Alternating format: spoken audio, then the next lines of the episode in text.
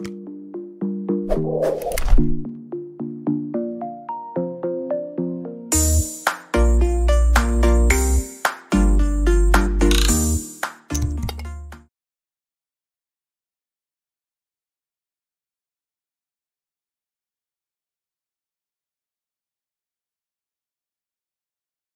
kita akan ngobrol-ngobrol kepo-kepo tentang melihat peluang bisnis di new normal. Jadi ada ada peluang-peluang bisnis yang kemudian apakah pada saat kemarin ada pandemi ini kemudian masih bisa bertahan bisnis-bisnis itu atau kemudian harus apa kembali ke bisnis-bisnis yang lain. Ini sudah hadir di uh, kesempatan pagi ini kerabat desa, uh, kawan kampung saya, Mas Pasrah Riyadi. Uh, tapi panggilannya Gus Pas, jadi wis bagus tuh ngepas kan. Sugeng Injang, selamat pagi Mas Pasrah. Selamat pagi Mas Surya Iya, selamat pagi. Jadi uh, pagi ini kita pengen ngobrol-ngobrol nih kemarin aku sempat lihat aktif banget apa uh, melakukan bisnis yang terkait dengan kegiatan apa uh, terkait dengan kondisi pandemi. Jadi kalau nggak salah ada hand sanitizer, ada apa perangkat peralatan-peralatan atau pendukung untuk apa uh, bagaimana protokol kesehatan dan seterusnya. Uh, pengen ya. pengen tahu nih uh, kejelian kecerdikan dari Gus Pas ini sangat luar biasa alumni dari sekolah apa teknik menengah ya pembangunan ya. Jadi yang lain tembak tembak. tahun ini sekolahnya patang tahun jadi SMA ini kesuwen. Akhirnya kemudian sangat kreatif dengan banyak hal. Uh, boleh berbagi cerita Mas? Uh, apa ini yang kemudian uh, dilihat dari hikmah pandemi? Oke. Selamat siang untuk rekan-rekan, konco-konco. Salam sejahtera. Assalamualaikum warahmatullahi wabarakatuh. Oke, gini kita lihat uh, kondisi sekarang dulu bahwa sebutan kami di awal itu namanya decoding the economy of COVID apa itu decoding? Jadi uh, memplotkan, mengkelompok-kelompokkan jenis usaha yang masih memungkinkan adanya potensial winner. Karena ada dua kelompok, satu potensial loser, yang kedua potensial winner. Nah, tak ambil contoh, untuk potensial loser, itu sekarang jenis usaha untuk uh, pariwisata, itu mengalami potensial loser, terus jasa transportasi udara atau laut, otomotif, konstruksi, manufaktur, itu potensial loser. Bukan berarti usaha itu tidak jalan, tapi namanya potensial loser itu akan cenderung mengalami penurunan. Kalau sampai di sini perhitungannya kurang tepat, losernya benar-benar total loss, kerugian. Nah, hmm. kelompok satunya lagi itu potensial winner, itu dimulai dari agriculture atau pertanian, e-commerce, hmm. terus uh, jenis internet dan lain-lain IT, Nah, yang kelompok tiga terakhir itu potensial potensial winnernya besar, yaitu healthcare atau bergerak di bidang kesehatan. Yang kedua, food processing atau ketahanan pangan. Yang ketiga, medical supply.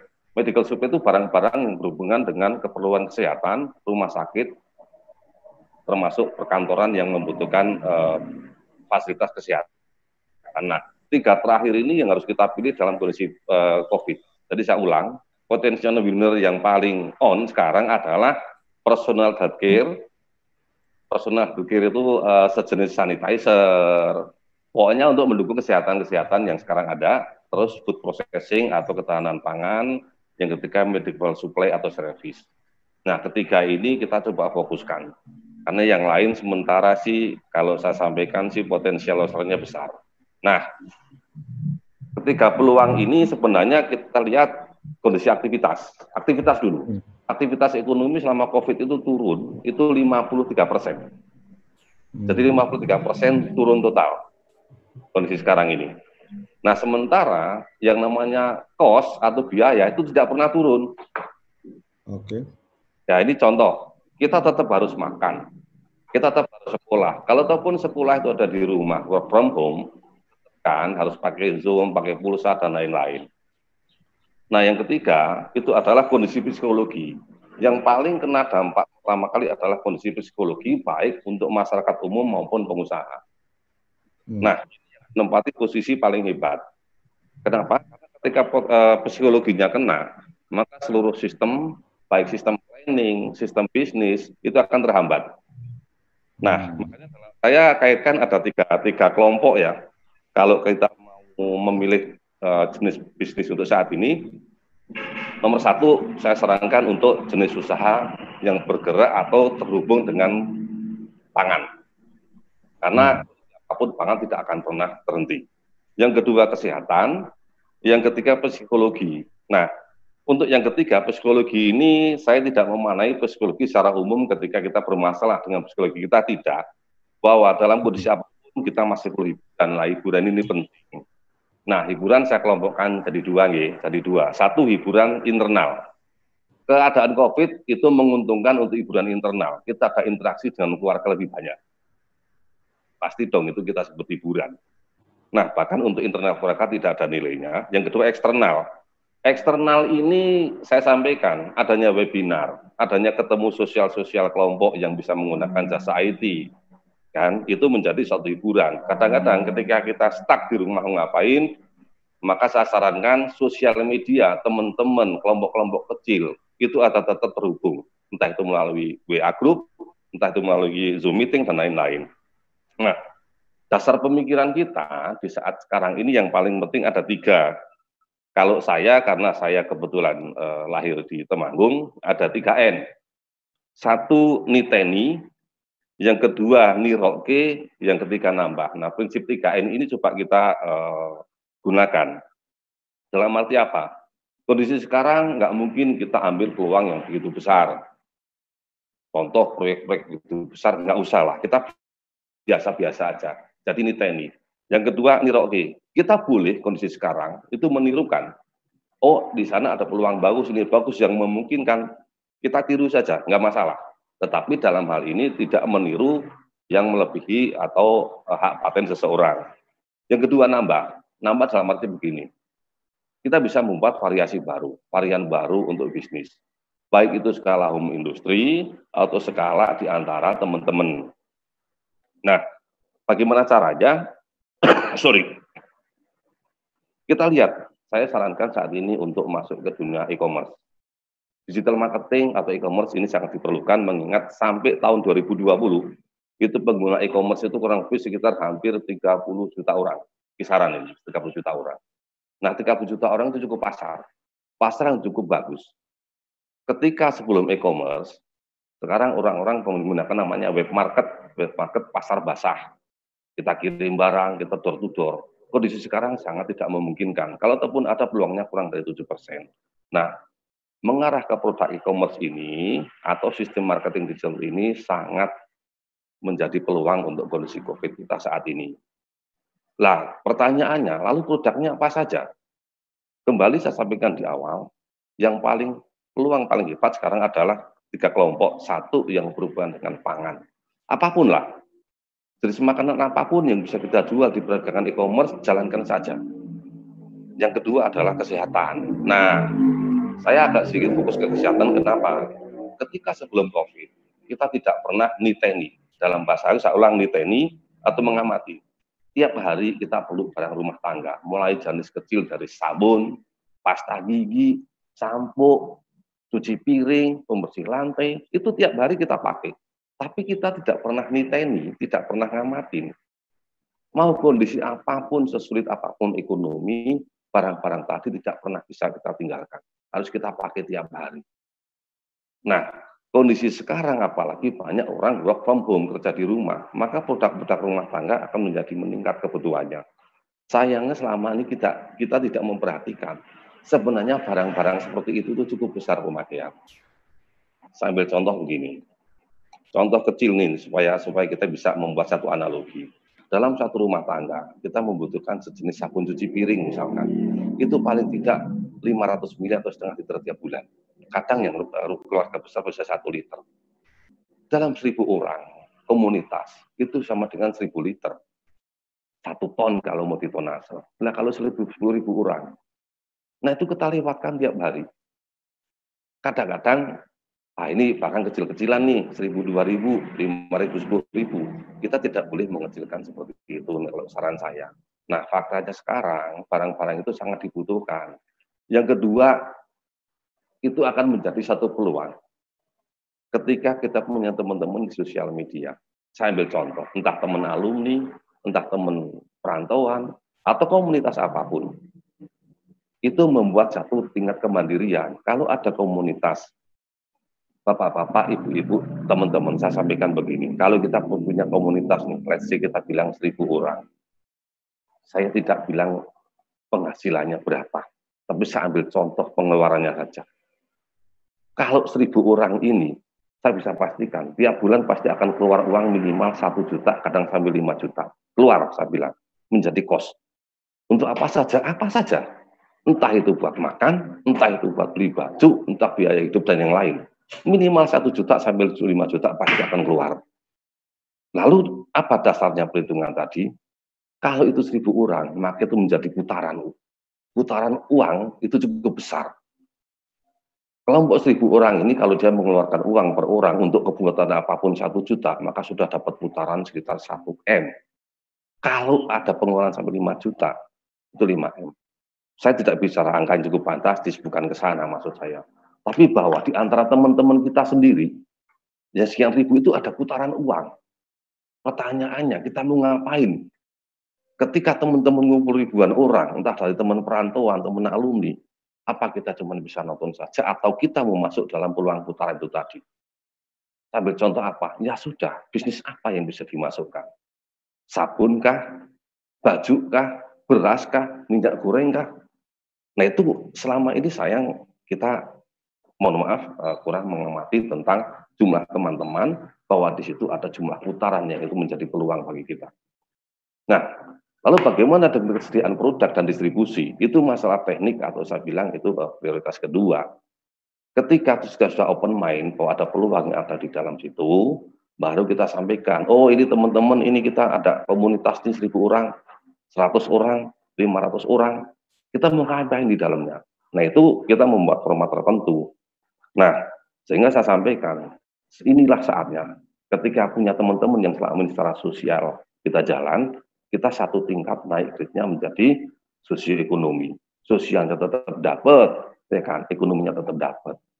Nah, di situ kadang-kadang kita ingin sampaikan, ini ada beberapa program untuk menarik peluang eh, kondisi saat ini. Nah, distribusi jangan khawatir. Banyak pemain e-commerce besar di Indonesia, kalau saya boleh sebut merek, mohon maaf mudah-mudahan tidak melanggar etika. Satu, misalkan Tokopedia, Bukalapak, Shopee, dan lain-lain, menyediakan lapangan pasar cukup besar ada produknya saya sampaikan apa saja yang bisa kita buat, apa saja yang bisa kita dagangkan. Kalau saya ambil contoh kan cukup ekstrim, bahkan air minum, air minum mineral dalam botol aja itu bisa dijual online. Kalau kita lihat kan cuma air minum. Nah kelemahan kita itu ketika kita punya mindset kan cuma ini, kan cuma ini, dan itu terus menerus akan stuck. Kalau kita menstakkan sesuatu, ah cuman begini nih, cuman begini, cuman-cuman kecil kan jadi besar gitu. Nah ini kita coba ambil peluang. Nggak masalah, putaran dari satu rupiah, dua rupiah, tiga rupiah, lama-lama juga menjadi stacking. Nah, saya mencoba ke kondisi sekarang ini, mohon maaf saya sedikit agak buka sedikit background saya, kebetulan eh, cleaning sanitasi saat ini. Kalau dibilang besar sih, ya kita syukuri saja sambil jalan. Cuman saya ambil titik tiga dari peluang tadi, pangan kesehatan dan psikologi, saya ambil titik yang di bidang kesehatan. Dalam artian apa? Nanti akan menjadi tren. Kalau dulu kita cuci tangan itu kalau nggak disuruh dengan kesadaran penuh, nggak akan cuci tangan. Nah kondisi sekarang menjadi satu habit atau kebiasaan cuci tangan. Lalu saya berpikir, apa yang bisa saya lakukan ketika uh, habit cuci tangan nanti mulai tren naik. Maka saya uh, mencoba membuat satu jenis antiseptik cuci tangan. Nah itu coba coba saya lakukan uh, sudah jalan uh, jauh sebelum COVID sudah jalan. Lalu kita berpikir lagi, kalau ini menjadi kebiasaan, kebiasaan apa lagi yang bisa kita tarik peluang? Orang pasti traveling nggak bisa dihindari. Dan pergi ke mana-mana nggak bisa hindari. Bagaimana cara menjaga uh, diri kita? Maka saya sediakan peluang itu, oh ini ada perlu namanya toilet sanitizer. Ketika kita di rest area, ya kan, toilet, misalkan kita lihat aja 10 toilet, ruang toilet. Yang di rest area adalah ratusan, bahkan ribuan orang. Maka saya sebut itu adalah toilet umum. Ketika kita ingin menjaga sanitasi kita, maka saya buat produk yang namanya toilet sanitizer. Jadi sebelum begitu kita masuk toilet, toiletnya kita semprot itu peluang yang yang kedua yang saat ini saya, alhamdulillah barang sudah mulai diterima di pasar. Yang ketiga, mobil. Saya ambil mobil adalah untuk disinfektannya. Kadang-kadang mobil kita pakai sendiri, kadang-kadang dengan pihak keluarga ataupun dengan orang-orang lain yang ikut di mobil kita. Maka bagaimana menjaganya sama. Dalam mobil kita semprot dengan desinfektan dengan syarat tertentu aman buat mobil, aman buat kulit dan uh, orang yang ada di dalamnya. Nah, saya mencoba mengambil peluang-peluang seperti ini di saat kondisi COVID. Karena prioritas utama adalah pangan dan kesehatan. Nah, dua itu yang menjadi perhitungan kami untuk mengembangkan produk. Peluang apa lagi? Ini saya ambil contoh untuk yang next-nya ya. Saya akan coba membuat satu uh, bahan anti kuman di layar HP. Karena selama ini layar HP yang paling sering kita sentuh tiap hari. Nah, produk itu akan kita launch segera. Nah, saya tidak membicarakan tentang bagaimana produk saya, merek saya tidak, tapi bagaimana kondisi sekarang harus benar-benar cari celah. Nah, kesehatan itu kita sampaikan ada dua, kesehatan diri kita dan kesehatan lingkungan kita. Selama ini, sebelum belum lama kita dengar beberapa lingkungan kita semprot dengan desinfektan dan lain-lain. Oke, pertanyaannya, bagaimana dengan internal rumah kita? Bagaimana sanitasi di rumah kita? Oke, ketika kita bilang sanitasi, maka perlu tiga, tiga kelompok besar. Satu, tempat itu sendiri dalam arti rumah. Yang kedua, diri kita. Yang ketiga, produk apa yang akan dipakai untuk desinfeksi rumah yang cukup aman. Nah, ini uh, saya coba uh, memberikan share ke rekan-rekan dalam artian masih banyak peluang kita saat kita kondisi begini. Kalau pakar-pakar menyampaikan apakah kita mau jadi lalat yang ketika dalam kondisi COVID, ya udah habis kondisinya begini, mau ngapain lagi? Kita sudah nggak bisa ngapa-ngapain. Atau kita nomor dua menjadi lebah. Kondisi apa pun kita akan tetap cari madu. Dan tidak akan pernah lebah kita uh, cari tempat-tempat sampah. kan gitu. Ini ini uh, analogi ketika saya sampaikan, apakah kita akan cukup menyerah begitu saja karena COVID, menyerah begitu saja karena kondisi sana sini di lockdown, sementara kita punya kos cukup besar untuk pertahanan hidup. Nah, maka peluang pasti ada. Nah, ini mungkin uh, di Bapak session pertama saya sampaikan lagi bahwa yang paling penting adalah interaksi antara kawan.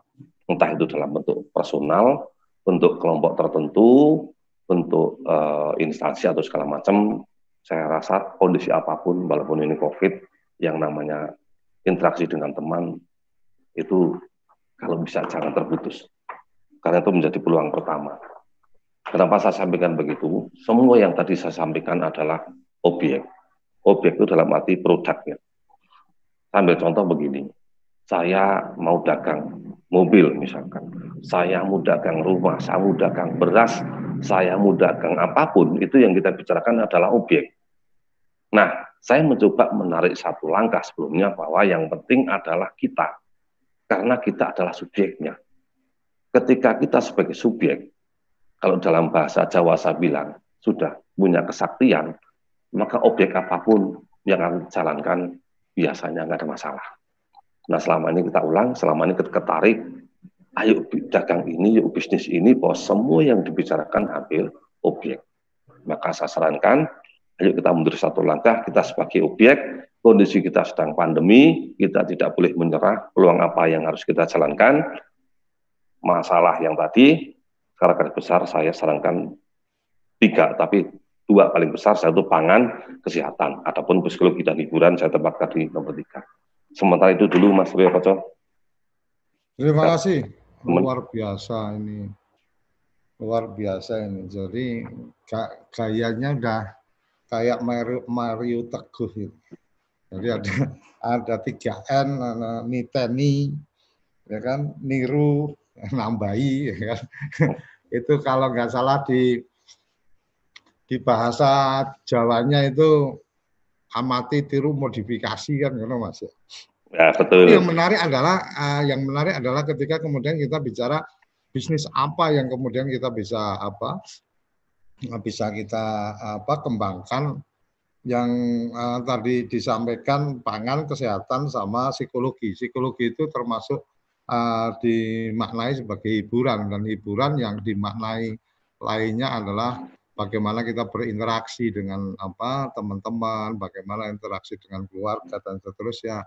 Media online uh, atau Zoom meet, apa uh, video conference semacam ini menjadi salah satu hiburan juga, salah satu apa uh, menambah energi apa kita energi positif kita untuk kemudian apa belajar banyak hal dan seterusnya. Dan sudah bergabung di sini Mas Anif, wah ini salah satu mentor kita juga apa di komunitas Sugeng Ejang Mas Anif, selamat pagi. Audionya boleh di on kan? Nah, Eh, gambarannya tadi luar biasa nih dari apa Gus Pasrah yang apa luar biasa. Ada Mas Muhammad Muslimin juga resen silakan apa diaktifin videonya, diaktifin audionya. Mas Anif, uh, tadi uh, Gus Pasrah udah menyampaikan beberapa hal menyangkut apa new normal ini, kemudian apa bagian-bagian bisnis yang mungkin kita bisa apa kita bisa expand tetap bisa bertahan dan seterusnya. TV Desa salah satu yang mengambil posisi uh, di urusan psikologi mungkin di urusan hiburan gitu kan. Apalagi dengan posisi pandemi hari ini teman-teman banyak tidak keluar dan seterusnya akhirnya kita mem memanfaatkan atau me, apa menggunakan uh, video conference ini sebagai salah satu cara untuk kemudian bagaimana kita melakukan apa interaksi, bagaimana kita juga mengembangkan acara-acara, bahkan ini sedang kita jajaki juga untuk kemudian apa perform musik atau perform kesenian dan seterusnya itu cukup pakai Zoom meeting dari tempat masing-masing kita bisa live kan di channel YouTube kita dan juga di uh, satelit kita. Mas Hanif, ada yang ingin dikomentari dari apa uh, tausiahnya Gus Pasrah hari ini? Saya bisa kualat kalau komentari Mas Pasrah ini. Mas Hanif, apa kabar Mas Hanif? Alhamdulillah sehat, Pak. Tapi menarik tadi itunya ya, pemaparannya ya. Salah satu hal yang uh, apa uh, sekarang menjadi gaya hidup baru itu ya setelah pandemi itu adalah uh, pengenaan masker gitu ya. Itu bisa yeah. kita lihat dari jenis dan model masker. Kalau sebelumnya kita kenal masker kan yang dibagi di Gojek itu yang hijau itu yeah. ya. Tapi begitu sekarang ada pandemi dan orang membutuhkan masker, maka berkembang uh, jenis-jenis model lain yang arahnya nanti saya kira akan menjadi gaya hidup gitu ya. Kalau yeah. itu sudah menjadi gaya hidup, maka ini menjadi bisnis yang menjadi lebih menarik daripada yeah. hanya sekedar untuk apa uh, apa dipakai untuk uh, ya kesehatan lah tapi kalau yeah, yeah. hidup saya kira yang tadi disampaikan cuci tangan itu kan juga akan jadi gaya hidup baru kan. Ya, betul. Dikit-dikit cuci tangan, dikit-dikit cuci tangan itu kan yang senang produsen sabun gitu. Nah, itu jadi itu. jadi peluang gitu ya.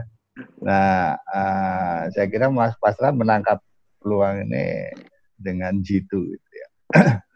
Yang kedua uh, memang selain ada peluang juga uh, ada momentum juga kalau kita uh, lihat sekarang sekarang kita pakai Zoom gitu ya. Zoom itu saya kira uh, mereka kalau nggak ada pandemik itu berkembangnya juga biasa-biasa aja. Tapi terjadi pandemik mereka mendapat momentum yang bagus untuk ya. oh, melejit dengan cepat bisnis mereka. Hmm. Juga tadi disinggung hiburan itu uh, dulu Netflix ya udah berkembang cepat tapi begitu ada hmm. pandemi ini mungkin 10-20 kali lipat ya uh, berkembangnya. Jadi memang uh, pandemi ini di sisi lain uh, menjadi malapetaka tetapi uh, di orang yang punya ide-ide uh, bisnis juga menjadi peluang hmm. dan satu sisi juga jadi momentum untuk bisnis yang sebelumnya tidak berkembang bagus tapi ini berkembang menjadi cepat karena pandemik gitu ya.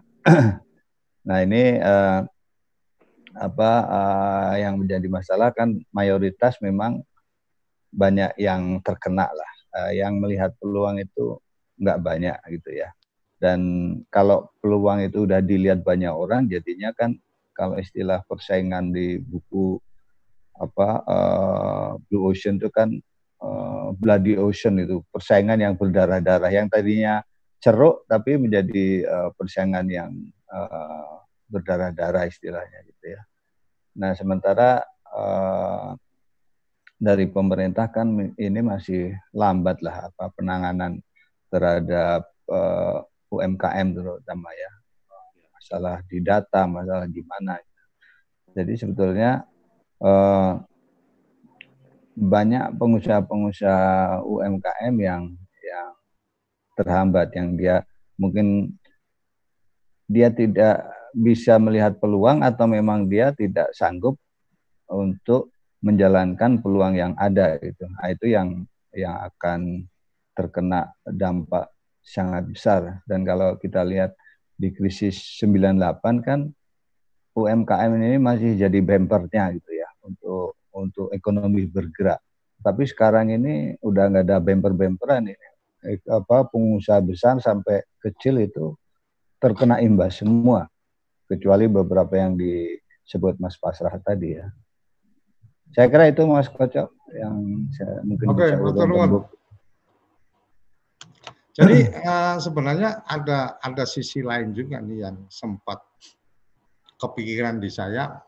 Apakah memang kemudian ini akan uh, benar-benar apa? Benar-benar memang something ini si corona ini gitu kan?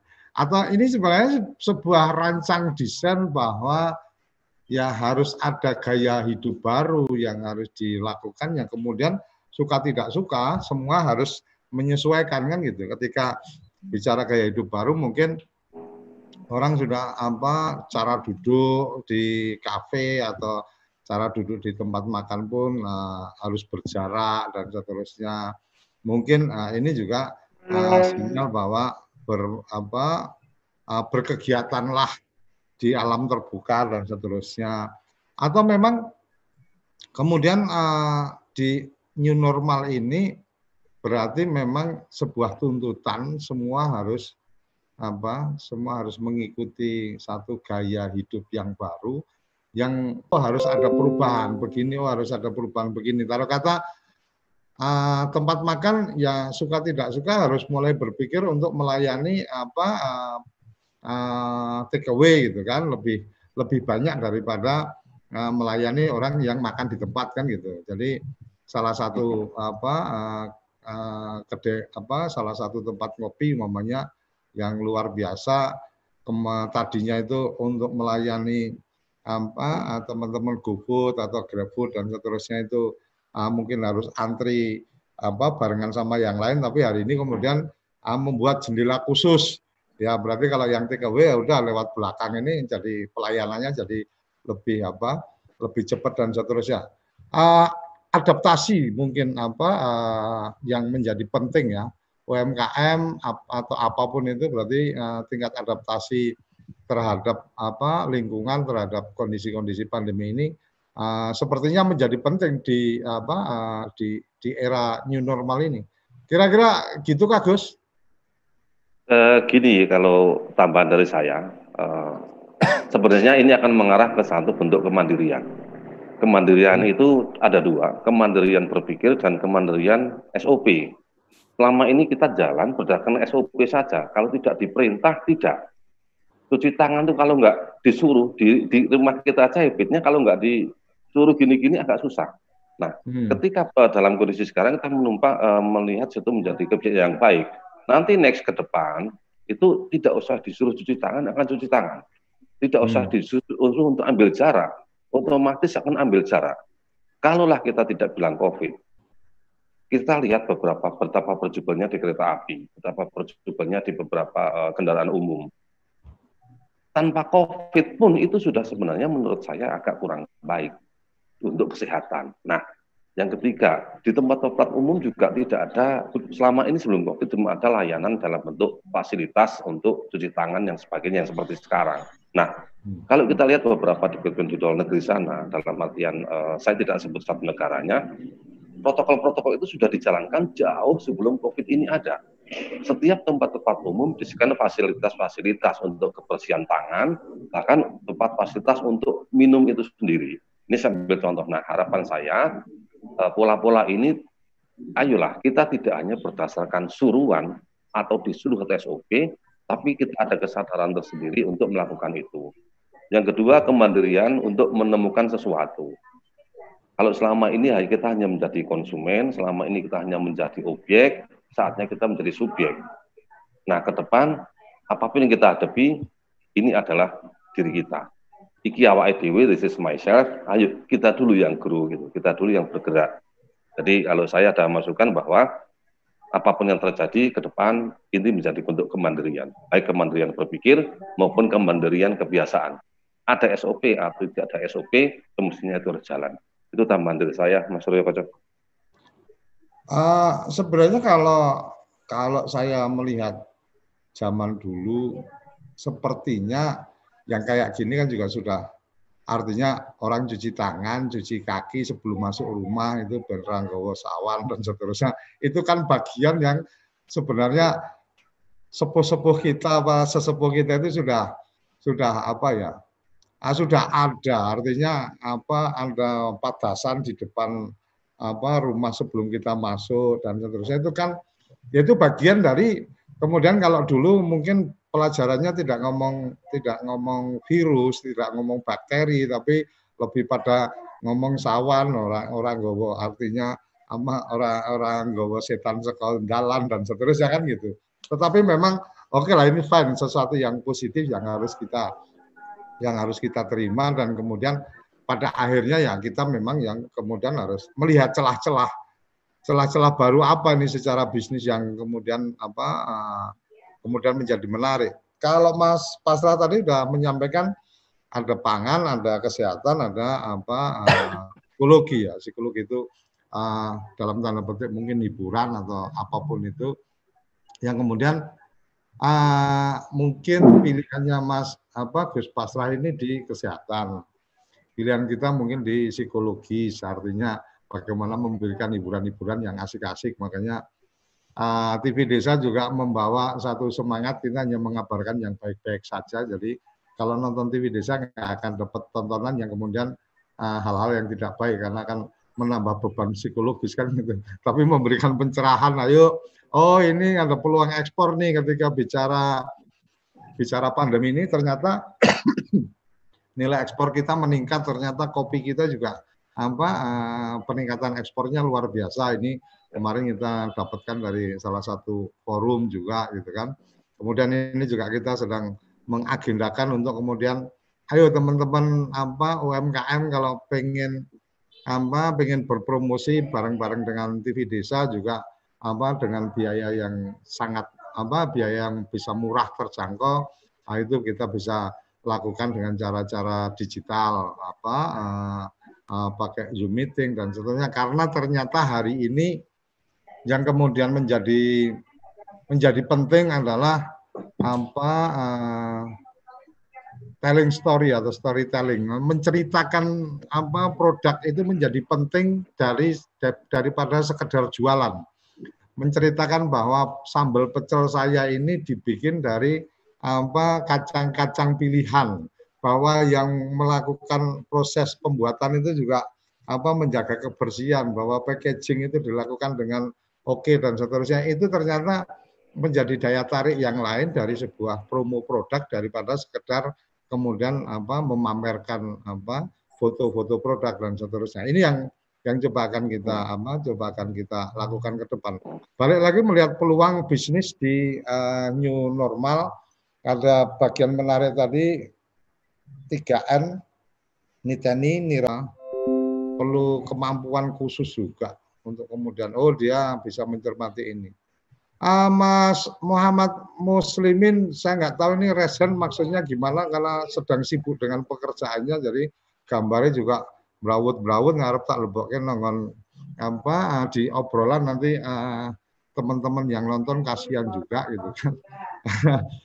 uh, silakan uh, kalau memang ada yang ingin disampaikan tapi aja disambi sing liane dan posisi kameranya dibikin landscape monggo silakan saya saya apa saya open mic-nya jadi uh, karena uh, ini juga apa live di uh, satelit kita jadi biar teman-teman juga bisa mengikutinya dengan nyaman. Silakan, ada yang ingin disampaikan? Mas Muslimin. Ji, terima kasih. Assalamualaikum warahmatullahi wabarakatuh. Waalaikumsalam warahmatullahi wabarakatuh. Nah, saya juga um. kami tahu sama Gus Pas ini karena dulu memang kami jadi satu di Temanggung. Tapi yang mau kami sampaikan kemarin ini kan ada uh, pemberitahuan tentang webinar untuk kepoin desa kalau tidak salah atau uh, peluang bisnis ini normal. Ini saya melihatnya mungkin jadi ketika di kami itu jadi mungkin agak berbeda atau keluar dari kotak mungkin ya. Nah, ini kami uh, mengembangkan untuk sama sebenarnya. Jadi peluangnya di new normal ini salah satunya yaitu yang akan kami sampaikan yaitu tentang pertanian. Nah ini pertanian ini ini cocok sekali dengan new normal karena mungkin orang suruh di luar, suruh uh, itu apa namanya? Uh, bersemur, bersemur di sinar matahari. Nah ini kami sudah lakukan tiap hari karena kami selalu di lahan dan mohon maaf ini kami uh, di TV desa ini walaupun ini kami sambil bekerja sebenarnya kami memang kantor kami di sini mungkin sama dengan bapak-bapak yang kantornya di ruangan, pak kantor kami memang di di di lahan gitu. Jadi ini ini sudah bukan uh, kalau yang lain mungkin uh, sambil menulis, nah, kami sambil sambil produksi tanaman. Nah ini ada peluang bisnis untuk new normal ini yaitu kami di menanam budidaya vanili untuk metode baru. Nah ini mungkin agak keluar kota, tapi mungkin ini bisa jadi salah satu salah satu wacana untuk um, untuk peluang bisnis normal tersebut. Uh, terima kasih. Mungkin itu aja yang bisa kami sampaikan. Oke, terima kasih. Terima kasih. Jadi uh, di di TV Desa sebenarnya kalau teman kalau kerabat sempat mengikuti acara kita, tidak semuanya di dalam ruangan. Hmm. karena kemarin waktu hari koperasi juga uh, teman petani di Lampung itu juga langsung dari apa langsung dari kebun jagungnya. Jadi bukan sesuatu yang apa bukan sesuatu yang aneh kalau di tempat kita mas. Teman-teman di apa uh, kita di ujung Lampung sana juga uh, menyampaikan pendapat pada saat uh, sedang ada di ladang juga. Jadi memang ya seperti yang tadi terima kasih mas uh, Muhammad Muslimin. Uh, seperti yang tadi sudah disampaikan uh, Gus Pasra tadi, pangan itu salah satunya yang kemudian menjadi peluang yang untuk kita coba kembangkan. Apakah kemudian di hulu atau kemudian di hilir itu itu apa? Itu satu opsi dan yang menarik menurut saya adalah ketika kemudian tadi uh, sempat disampaikan tentang bagaimana pemanfaatan digital, bagaimana pemanfaatan internet yang kemudian uh, kalau kita bicara petani kemarin mungkin uh, teman-teman uh, berjualannya mesti harus ke apa pedagang atau ke pengepul atau ke apa ke tengkulak. Tetapi hari ini sebenarnya ketika seperti yang tadi Gus Pasrah sampaikan ya jualan jualan produk-produk tani di semua marketplace yang ada pun juga boleh dilakukan. Artinya menyampaikan bahwa oh kita akan ada panen pada uh, kapal, kemudian uh, tani hub juga ada yang khusus-khusus produk tani dan seterusnya. Itu mungkin bagian yang perlu dimaksimalkan dalam pemanfaatan. Mungkin gitu ya Gus? Betul Mas Rio. Jadi begini, ketika kita bilang marketplace, kita ada dua. Satu tadi digital marketing, yang kedua web market. Nah, ya. digital marketing itu, itu yang penting dari kita tuh kan gini, kita menyampaikan bahwa produk kita tuh ini loh pesan, pesan dari produk kita itu apa. Hmm produk kita adalah jenis makanan. dengan beberapa keunggulan. Karena ketika kita bicara market kan pasti ada 4P kan, gitu loh. Hmm. Satu produk, yang kedua place, yang kedua price, yang keempat promotion. Nah, hmm. produk apa saja, mau dari, mohon maaf, mau jual batu split pun nggak ada masalah. Hmm. pun nggak ada masalah, apalagi jenis yang tadi uh, Mas Muslimin sampaikan, kalau tidak salah itu jenis panili dengan metode tanam baru. Nah, ketika produknya bisa disampaikan lewat marketplace tadi, oh ini panili dengan budidayanya model begini, misalkan tanpa bahan uh, pupuk yang mengandung kimia, misalkan itu akan menjadi satu upgrading value produknya itu sendiri. Hmm. Nah itu sampaikan. Nah kadang-kadang kita hanya terkotak-kotak, apakah saya hanya murni jualan dalam bentuk produk yang bisa dikemas atau tidak? Karena konsep marketing sendiri beda dengan sales. Sales adalah salah satu bagian dari marketing. Yang penting kita sampaikan bahwa kita tuh punya produk lingkupnya seperti ini. Nah, setelah ada meeting, setelah kita sampaikan, baru transaksi itu nomor sekian. Setelah pesan-pesan produk kita diterima oleh konsumen. Untuk Mas Muslimin, silahkan, nggak ada masalah sebenarnya tadi sudah disampaikan oleh uh, Mas Roy Koco, tidak keluar dari topik.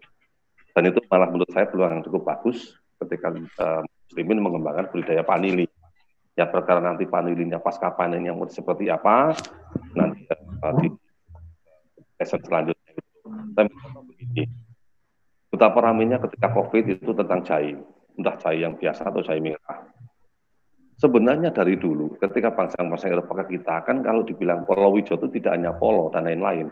Dari kita hanya diekspor ke sana dijadikan kuder lagi dikembalikan ke kita lagi dan kita disuruh beli Padahal hmm. stoknya untuk kita. Nah kita lihat entah itu jahe, panili, merica dan lain-lain. Nah di situ tadi saya sampaikan titik kemandirian ini yang kita perlukan. COVID ini bukan dijadikan momen untuk hanya sekedar nyerah atau kalau dalam bahasa saya karena saya di uh, Melbourne Country, Texas, Texas itu diingat itu ada namanya Morocco itu kota kuda, maka saya bilang itu Melbourne Country itu uh, ada di Ngadirjo itu kita nggak boleh ayo kita tetap semangat karena ini ada di diri kita. Itu Mas Surya Koco saya. Oke, Mas Nuwun. Mas Andi ada yang ingin ditambahkan? Karena belum. Uh, pakar pakar ekonomi walaupun lulusan biologi.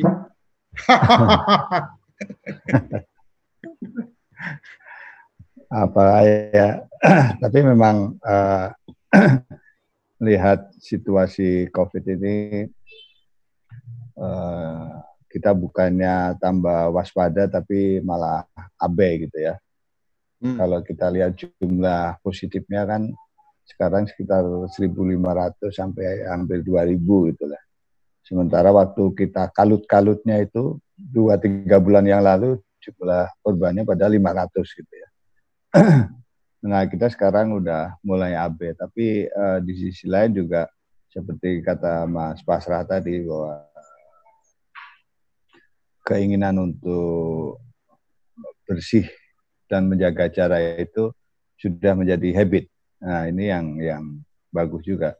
Cuma uh, itu juga uh, masih tergantung di tempat-tempat tertentu ya. Di masjid-masjid yang besar yang modern itu uh, masih terjaga lah jaraknya. Tapi di masjid-masjid di kampung itu juga sudah mulai abe, jadi nggak uh, pakai masker, jaraknya juga semakin mendekat, terus uh, apa uh, kerumunannya juga semakin banyak. Gitu. Nah, yang seperti ini kita perlu waspada untuk diri kita sendiri, gitu ya. Dan saya kira uh, Mas Basra lebih paham bagaimana melihat peluang-peluang bisnis yang ada dengan AB-nya masyarakat ini, gitu ya karena bagaimanapun uh, masyarakat juga sebagian besar juga masih was-was juga dengan adanya COVID ini terbukti dengan uh, lalu lintas di udara maupun di kereta yang mensyaratkan terlalu banyak juga menjadi apa sepi penumpang. Sementara uh, arus untuk mudik ini kayaknya banyak yang mudik ini uh, Lebaran haji ini. Karena kemarin Lebaran Idul Fitri nggak bisa ke mana-mana, sementara sekarang sudah bisa bebas ke mana-mana karena menjadi hari yang uh, hari kebebasan untuk mudik. Gitu. Nah ini Nah ini restoran-restoran ini yang mungkin nanti panen yang di jalan ya. Karena kemarin minggu dua minggu lalu saya mudik itu belum banyak yang mudik tapi uh, tol sudah mulai hidup lah daripada mungkin dua tiga bulan lalu itu kan uh, warung-warung makan di tol sangat sepi gitu sekarang udah mulai ada kehidupan nah, saya kira itu Pak Kocok uh, saya salut okay. sama Mas Pasrah yang selalu punya uh, insting melihat peluang baru. bisnis gitu ya harus kasih. banyak harus banyak belajar sepertinya perlu perlu apa perlu sesi khusus sinau bareng Gus Pasrah gitu kan untuk kemudian bagaimana melihat peluang-peluang. Karena salah satu yang saya ingat waktu itu di datang di satu forum pertemuannya teman-teman STEMBA ya STM pembangunannya. Itu jadi bagaimana kopi beraroma apa uh, beraroma-aroma lain gitu kan dengan apa sirup yang dibikin oleh teman dari Stemba dan sebagainya ini buat saya luar biasa juga ini.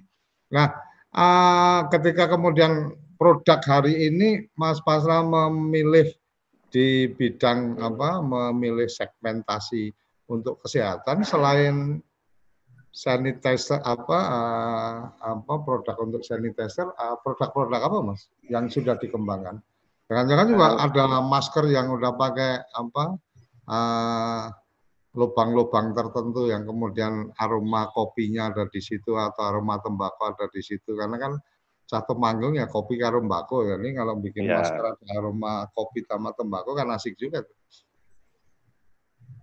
Uh, gini, untuk produksi kami masih di seputar uh, belum ke masker atau yang lain, masih seputar uh, kebutuhan PRT rumah tangga. Hanya hmm. untuk season pasar kita coba kembangkan begini. Beberapa hari yang lalu ada uh, kegiatan bantuan sosial dari uh, masyarakat Bogor. Nah, hmm. kami diminta untuk bergabung, tapi dengan satu logo kalau boleh saya sampaikan bahwa di logo produk itu di sini uh, masuk yang namanya PT-PT tertentu, saya tidak sebut merek, hmm. dan beberapa organisasi tertentu. Nah, itu hmm. masuk ke dalam logo jadi bentuknya produk. Nah, dari hmm. perusahaan itu mengeluarkan CSR.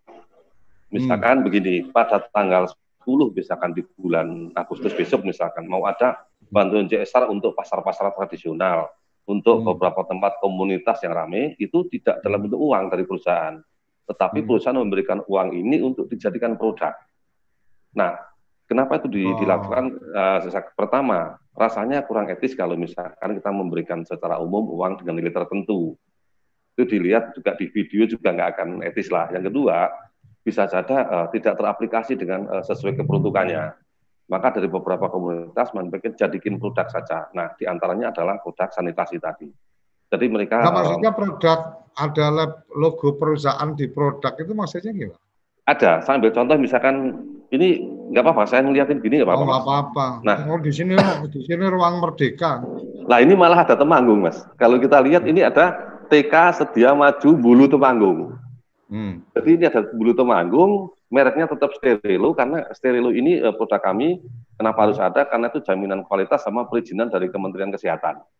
Hmm. Tapi kan, jadi hmm. Kemenkes ada. Nah, masalah di sini ada modifikasi, istilahnya ada TK bulu. Ini kan untuk branding TK mereka satu. Yang kedua memang hanya diperuntukkan untuk TK itu dan tidak diperjualbelikan ketika menjadi satu bansos.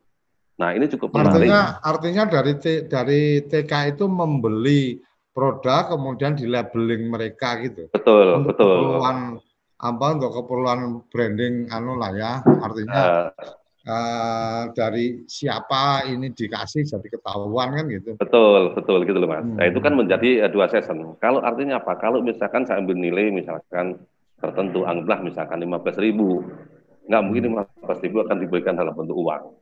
Nah, sehingga 15 ribu ini kalau dalam bentuk uang kan kalau model kayak Mas Roy Kocok kan buat jajan gitu kan. Nah padahal hmm. untuk anak-anak perlu kesehatan, nah makanya anak-anak tidak perlu buat jajan. Ini jadikan aja produk dibawakan ke mereka, ketika mereka pulang sekolah segala macam tetap di tas ada produk ini untuk jaga mereka.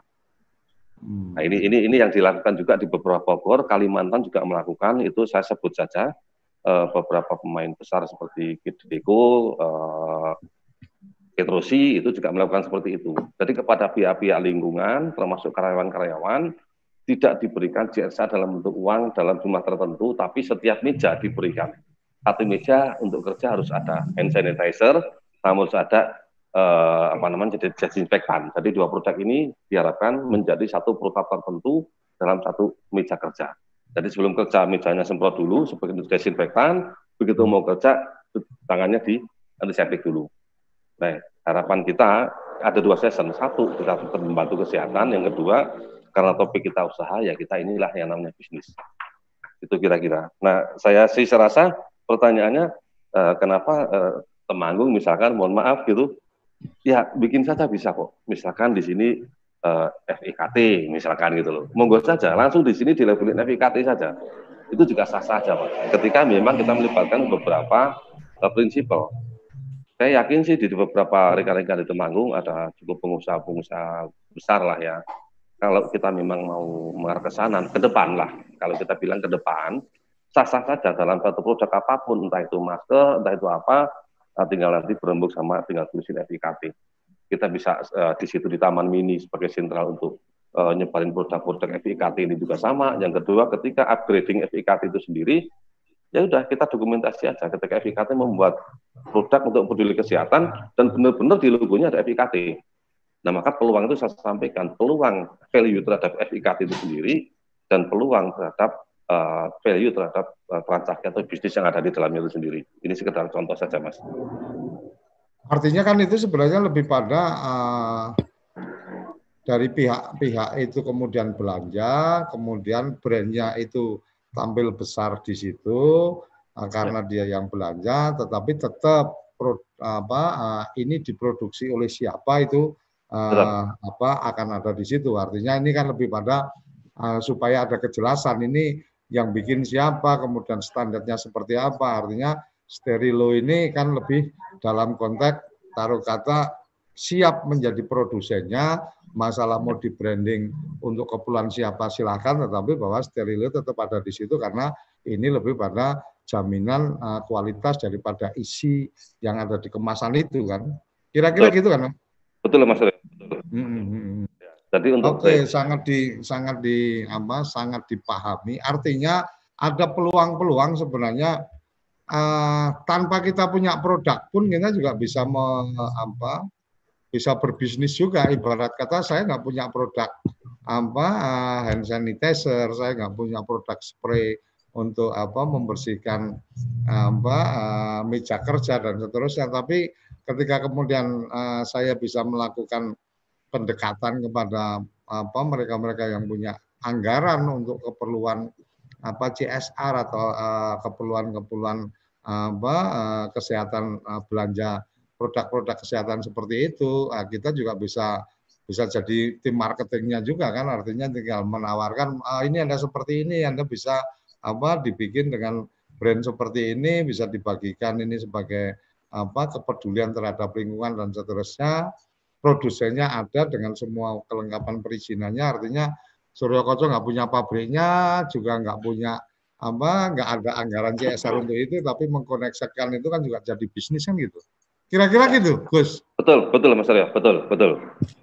Tadi gitu. Oke, jadi ini kesempatan juga untuk teman-teman yang uh, mengikuti acara ini, yang ikut kepoin desa, karena uh, kita bicara tentang peluang-peluang itu, dan ini juga sangat mungkin dilakukan untuk keperluan produk-produk yang lain. Tinggal bagaimana kemudian kita melakukan komunikasi, kita melakukan apa negosiasi dengan produsen. Taruh kata tadi Mas Basra menyampaikan ada tiga nih, ada pangan, ada kesehatan, ada hiburan.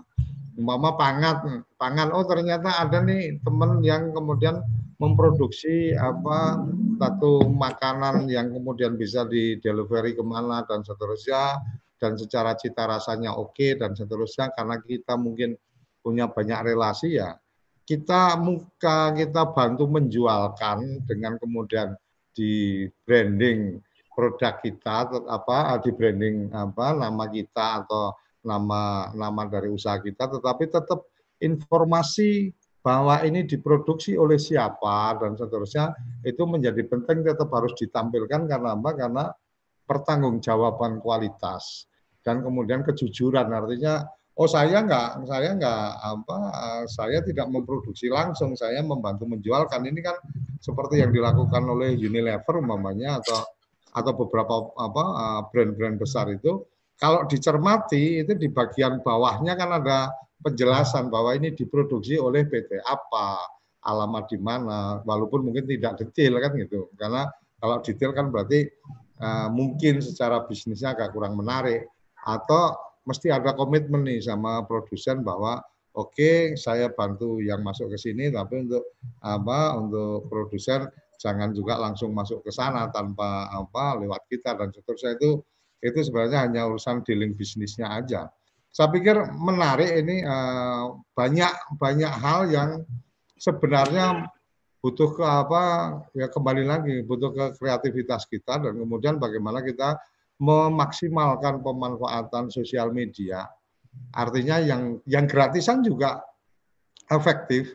Ketika kita bicara WhatsApp, kita memaksimalkan data data teman-teman kita yang ada di WA itu, kita kirim kabar-kabar dan seterusnya, itu juga apa sangat mungkin di apa dilakukan dengan menggunakan Instagram daripada cuma apa uh, tidak ada kegiatan hanya nonton-nonton apa uh, uh, hiburan-hiburan aja mungkin bisa main-main Instagramnya dengan aplikasi-aplikasi yang ada produk teman yang mungkin secara tampilan kurang oke okay, dengan tampilan uh, aplikasi dibikin apa gambarnya bagus pasang di Instagram kita kalau ada yang butuh ngubungin kita lah kita yang bantu apa apa uh, mengkonekkan dengan produsen atau bahasanya bisa reseller, bisa um, ada istilah lain lagi aku juga apa lupa.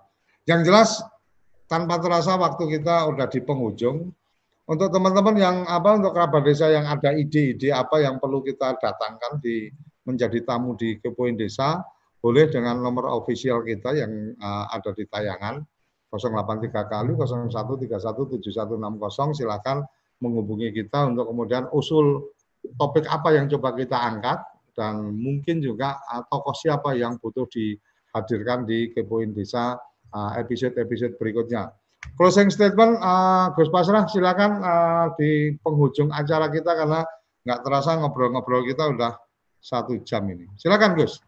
Oke, kalau tadi sudah bicara panjang lebar teknis dan lain-lain, untuk penutup saya sampaikan bahwa kita turahmi mendatangkan rezeki, maka tetap kita berhubungan sama teman-teman, saudara-saudara kita, itu entah kondisi lewat uh, eh, IT, lewat Zoom atau segala macam, intinya jangan pernah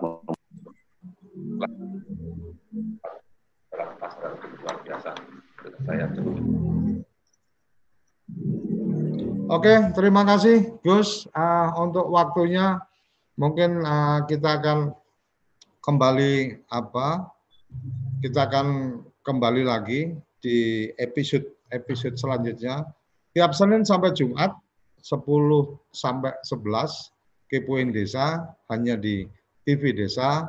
Untuk kemudian kita kepo-kepo untuk keperluan desa kita bersama-sama membuat agenda memuliakan desa-desa di Indonesia. Sampai ketemu di episode selanjutnya. Terima kasih Gus Basra, terima kasih Mas Hanif yang sudah bergabung di kesempatan kali ini. Ya.